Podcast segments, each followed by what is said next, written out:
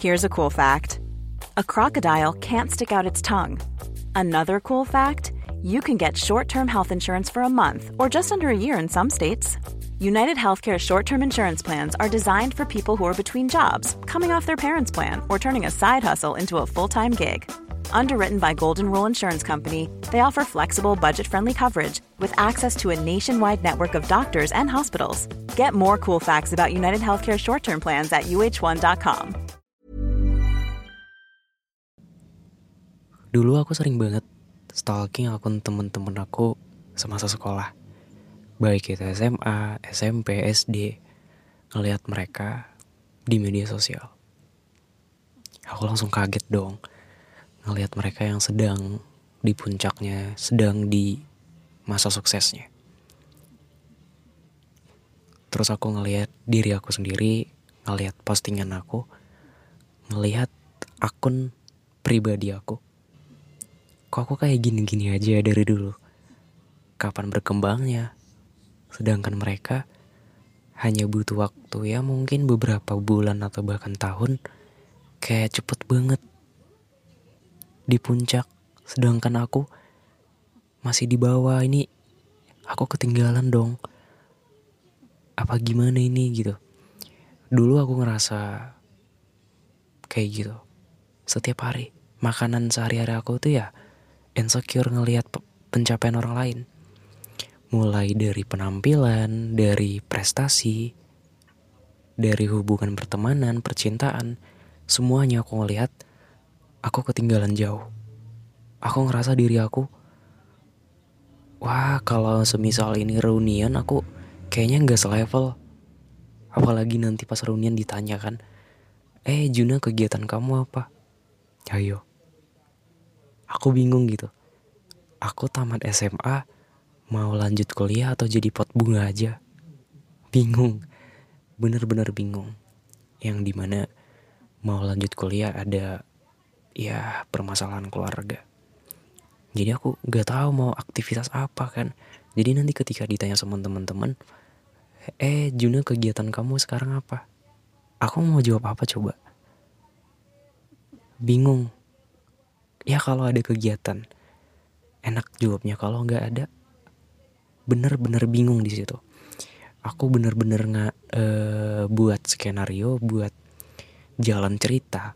Kalau semisal nanti ada acara reunian sama temen-temen ada pertanyaan kayak gitu aku jawabnya harus seperti apa? Aku berpenampilan seperti apa biar nggak malu-maluin.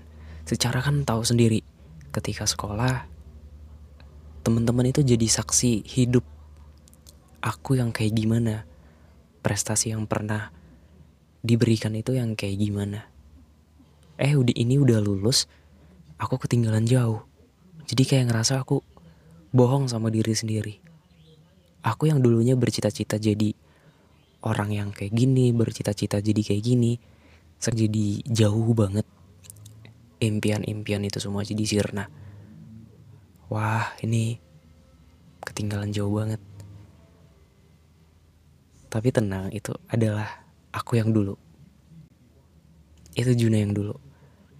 Kalau sekarang, aku lebih ke berani untuk tidak disukai. Pernah baca sebuah buku. Intinya begitu, berani tidak disukai. Jadi ada cara untuk kita terlihat pede, cara kita terlihat untuk tampil apa adanya, ya berani untuk tidak disukai. Kan gak semuanya harus kita sukain. Kan gak semuanya harus kita paksain orang-orang harus sejalan sama apa yang kita mau. Ngeiyain apa yang kita lakuin. Kita mau pakai pakaian kayak gini, kita mau ngelakuin aktivitas yang kayak gimana pun, kita nggak bisa paksa mereka harus suka sama apa yang kita lakuin. Bener kan? Tahu nggak sih pas aku sadar itu gimana? Pas aku lagi ngerti posisi itu gimana. Jadi waktu itu ada sebuah konten yang lewat. Ada sebuah akun yang lewat. Di sebuah akun itu bilangnya begini. Ketika kita hidup tapi pencapaian orang lain sebagai standar bahagia itu gimana, kita selamanya bakal insecure. Kita bakal selamanya ngerasa nggak cukup. Kita nggak bakal bisa bersyukur, apalagi ngerasa kalau diri kita itu ya seperti ini. Ini tentang masalah penerimaan diri sendiri. Di situ aku langsung sadar, di situ aku langsung ya juga ya. Aku kayak tersadarkan selama bertahun-tahun akan sebuah kata-kata itu. Jadi ya kayak emang bener. Kalau makanan kita sehari-hari adalah insecure, makanan sehari-hari kita adalah melihat pencapaian orang lain, sedangkan diri sendiri masih di bawah, masih gagal, ya kita bakal selamanya ngerasa nggak cukup. Kita bakal lupa sama jati diri kita sendiri. Tahu nggak sih kalau kita selalu insecure, kita tiap malam selalu melihat pencapaian orang lain, kita bakal lupa sama kelebihan yang kita punya. Sebenarnya tiap manusia itu diberikan bakat. Bakat alami, bakat yang harus dicari. Ya kan? Tapi kalau kita selalu insecure, kita selalu melihat pencapaian orang lain, kita bakal lupa sama bakat yang kita miliki. Kayak contoh, contoh aku tiap malam ngerasain secure dengan pencapaian teman-teman aku. Dengan apa yang teman-teman aku sekarang miliki. Ketika aku ngerasain secure, ketika aku ngerasa aku kapan ya? Aku bakal ngerasa diri aku tuh nggak guna sama sekali. Aku ngerasa diri aku nggak ada kontribusinya sama sekali, nggak ada positifnya untuk keluarga, apalagi diri sendiri. Nggak ada. Jadi aku fokus sama kekurangan aku. Jadi banyak orang yang ngerasa insecure, ngerasa dirinya itu gagal, ya karena dia selalu berpatokan sama kekurangannya, bukan sama kelebihannya. Simpelnya tuh gini, diri aku ya diri aku, diri orang lain ya diri orang lain. Aku udah punya rezeki dan itu udah ditentuin sama yang di atas. Ya mungkin bukan saatnya aku saat ini ngerasain apa yang sebenarnya aku pengenin. Ya. Ya mungkin ada waktunya, tapi nanti dan aku nggak tahu. Untuk sekarang daripada aku insecure, daripada aku selalu melihat pencapaian orang lain, mending aku fokus sama diri sendiri, upgrade diri sendiri, ngelihat kelebihan yang apa yang aku punya, dan ketika aku melihat ada potensinya ya aku kembangin ya kan daripada selalu insecure selalu ngerasa kurang selalu ngerasa diri sendiri nggak ada kelebihannya mending dicari. Contohnya tuh gini apalagi ketika melihat orang-orang di postingan Instagram media sosial tuh pada ganteng pada cantik kita ngerasa kok mereka pada bisa ganteng ya pada cantik-cantik ya diri sendiri kok gini amat? Kayak jelek banget. Kapan ya aku kayak gitu? Daripada pertanyaan kapan kapan kapan selalu muncul di kepala mending kita fokus sama diri sendiri. Kayak mulai berubah dengan cara yang bisa kita lakuin. Contoh kayak olahraga skincare terus pola makan yang sesuai, pola tidur yang bagus diubah. Jangan ada pertanyaan kenapa, tapi gimana caranya. Oke? Okay? Jadi untuk yang insecure, untuk yang ngerasa dirinya nggak berguna sama sekali, ya it's okay lah kalau mau insecure. Tapi insecure tadi dibarengi dengan berusaha, bukan berusaha untuk sama seperti orang lain, tapi berusaha untuk menjadi diri sendiri, untuk terlihat apa adanya. Daripada kita terlalu over untuk apresiasi orang lain, kenapa kita nggak pernah apresiasi diri sendiri? Halo, selamat malam, selamat hari Sabtu, selamat malam minggu.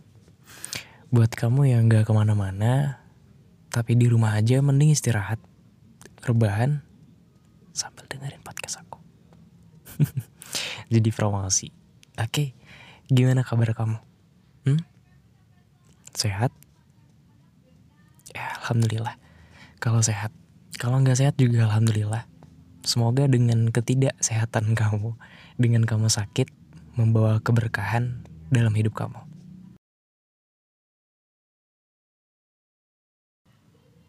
Lagi-lagi ini pencapaian orang lain. Kita suka banget ngelihat pencapaian orang lain daripada melihat pencapaian diri sendiri.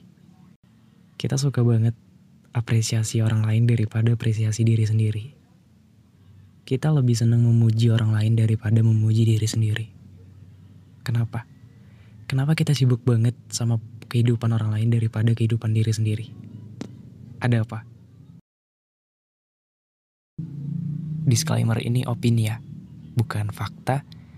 Jadi ini bebas mau kalian anggap sebagai pedoman atau bukan terserah. Dan aku di sini gak maksa kalian untuk nurut apa kataku. Karena di sini kebanyakan adalah opini aku, bukan riset yang aku lakukan. Oke. Yang aku tekankan di sini bukan menyalahkan kalian yang suka muji orang lain, suka apresiasi orang lain, bukan. Malah itu bagus banget. Bagus ngemuji orang lain. Tapi perlu diingat, kita jarang banget untuk memuji diri sendiri.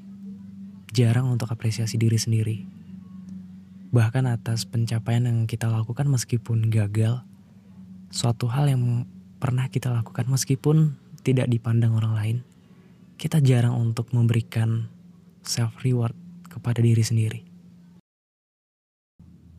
kebanyakan orang menilai nilai 90 di rapot di bidang matematika itu lebih pintar daripada nilai 90 di bidang bahasa Inggris di bidang pendidikan jasmani dan olahraga di bidang agama. Kebanyakan orang tua menilai anak-anak yang memiliki nilai lebih tinggi di bidang fisika lebih pintar daripada di bidang seni budaya. Sebenarnya kenapa sih? Ada apa dengan orang-orang yang punya pemikiran seperti ini? Bukan hanya orang tua sih. Terkadang teman kita juga seperti itu. Saudara, keluarga sendiri juga seperti itu menilainya. Ya sebenarnya ada apa? Ada apa dengan matematika dipandang sebagai pelajaran yang paling penting banget. Pelajaran yang paling utama. Ada apa? Aku bingung. Kenapa sebegitu mendewakan banget terhadap matematika, terhadap fisika, terhadap kimia. Ya aku nggak nyalahin orang yang pinter di bidang itu. Aku nggak nyalahin orang-orang yang suka hitung-hitungan. Ya mungkin bidangnya di situ, mungkin bakatnya di situ ya. Keren banget. Tapi kenapa kita jarang untuk apresiasi orang yang pinter di bidang seni budaya, di bidang agama, bahasa Inggris, bahasa Indonesia? Sebenarnya kenapa sih?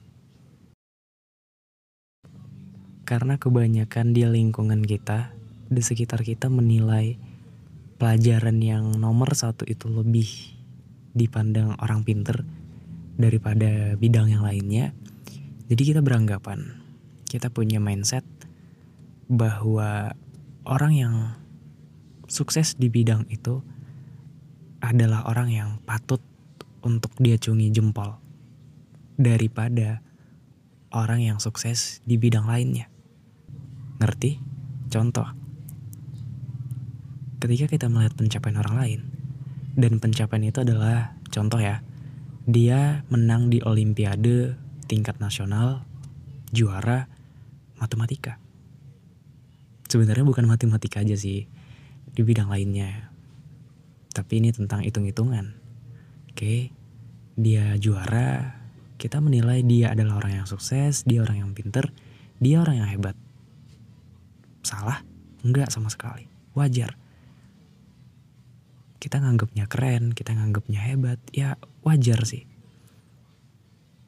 Tapi semisal ada orang yang sama sekali enggak disorot sama media. dia sama sekali nggak diangkat di media sosial. Kita cuma melihat orang itu pinter, orang itu suka menolong, orang itu suka ngebantu orang yang susah, orang itu suka menebar kebaikan. Kita jarang mengapresiasi, kita jarang untuk memberikan, wah kamu hebat banget ya, jarang. Tapi untuk nilai-nilai yang mendasar, yang kebanyakan orang nilai, hal itu adalah hal yang dipandang sebagai orang pinter. Ya kita ikut-ikutan. Apalagi iri sama pencapaian orang lain, ya kita menganggapnya ya kalau mau di puncak itu, kalau mau di pencapaian kayak gitu, ya harus pinter ini, harus pinter itu sesuai dengan apa yang divalidasi sama orang-orang. Ngerti kan? Sebenarnya iri itu penting gak sih? Penting. Iri dalam kehidupan itu penting banget. Insecure itu bagi aku penting banget. Tapi insecure yang gimana? Insecure yang dibarengi dengan mau berubah, tapi nggak berubah sesuai dengan apa yang kamu iriin, apa yang kamu insecurein. Berubahlah sesuai dengan jati diri kamu. Upgrade diri kamu. Ya kamu pengen kayak dia ya silahkan. Tapi jangan mengubah apa yang ada di dalam diri kamu. Kayak contoh kamu iri sama orang yang pinter matematika, pinter bahasa Inggris, pinter seni budaya dan lain sebagainya. Iri itu boleh. Iri itu ya silahkan. Insecure wajar. Tapi hal yang di sini tuh adalah kenapa kita jarang untuk bersyukur dengan apa yang kita punya. Kayak kita jarang marah, kita mampu untuk bersabar atas setiap hal yang Tuhan berikan. Kita jarang mengapresiasi hal yang ada di dalam diri kita yang mendasar. Kita seneng banget ngebantu orang lain, kita seneng banget memprioritaskan orang lain daripada diri sendiri. Jarang untuk mengapresiasi. Yang kita apresiasi selalu apa yang divalidasi oleh orang lain. Enggak semua orang bisa untuk sabar loh. Enggak semua orang mampu untuk memprioritaskan orang lain daripada dirinya sendiri. Enggak semua orang. Banyak orang di luar sana yang egois banyak orang yang pinter matematika, pinter fisika, pinter seni budaya, pinter bahasa Inggris dan lain sebagainya itu egois. Itu sering marah-marah. Itu lebih suka meluapkan emosinya daripada memendam. Tapi lihat diri kita sendiri. Kita ngaca. Ya meskipun aku gak pinter ini, aku gak berbakat di sini, tapi aku mampu untuk bersabar. Aku mampu untuk ini aku mampu untuk itu. Lebih suka melihat pencapaian orang lain daripada apa yang kita capai. Meskipun pencapaian kita selalu gagal, ya, selalu gagal. Kebanyakan kan seperti itu. Kita lebih suka menyanyi, kita lebih suka menggambar, kita lebih suka masak, kita lebih suka di bidang agama, seni budaya, dan lain sebagainya. Kita lebih suka public speaking. Tapi keluarga sendiri, orang-orang terdekat kita, menekankan kita jauh dari itu dan harus pinter di bidang yang mereka sukai. Aku tahu perasaan kamu tuh gimana. Perasaan yang sebenarnya pengen kamu ungkapin itu gimana. Kamu pengen ngomong sekeras-kerasnya itu gini. Aku cuma butuh dukungan kalian, butuh support kalian butuh doa kalian. Meskipun yang kalian dukung itu belum bisa secara material, belum bisa dukung aku secara jauh, ya aku cuma butuh dukungan, butuh dorongan dari belakang. Ya meskipun ini pilihan aku sendiri, aku juga butuh pencerahan di mana baik dan buruknya. Karena secara penglihatan, secara apa yang saat ini kita alami bersama, Kalian pernah berada di masa seperti apa yang aku hadapi sekarang. Kalian pernah muda, kalian pernah di fase sekarang. Kalian udah udah melewati itu semua. Meskipun apa yang aku pilih ini adalah Ya aku nggak tahu gimana ke depannya.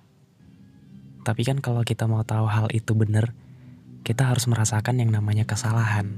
Kita harus merasakan yang namanya gagal. Ya enggak sih? Yap. Itu kan yang kalian rasakan. Itu kan yang kamu pengen ngomongin ke mereka yang saat ini menghambat proses kamu. Meskipun saat ini yang pengen kamu omongin ke mereka gak pernah bisa disuarakan, selalu disanggah dengan kamu jangan sok pinter, jangan sok dewasa. Aku tahu perasaan kalian. Tapi ya mau gimana lagi. Ya, hari-hari seperti itu. Ya mau gimana lagi, mau gimana lagi. Aku harap kalian tetap bertahan ya. Kalian tetap hidup meskipun dengan alasan sekecil apa pun itu. Harus tetap bertahan. Semoga apa yang saat ini kamu hadapi, apa yang saat ini kamu pertahankan, berbuah kebaikan, berbuah manis di suatu hari nanti. Ini diaminin ya. Oke, kita sama-sama aminkan untuk setiap hal yang kita lakukan dengan sabar, dengan hmm, yang setiap hari pengen kita omongin tapi dipendem. Semoga suatu hari nanti kita sukses, kita bisa bangkit, kita bisa ngelewatin ini semua dengan cara kita sendiri, dengan apresiasi kita lakukan. Semangat!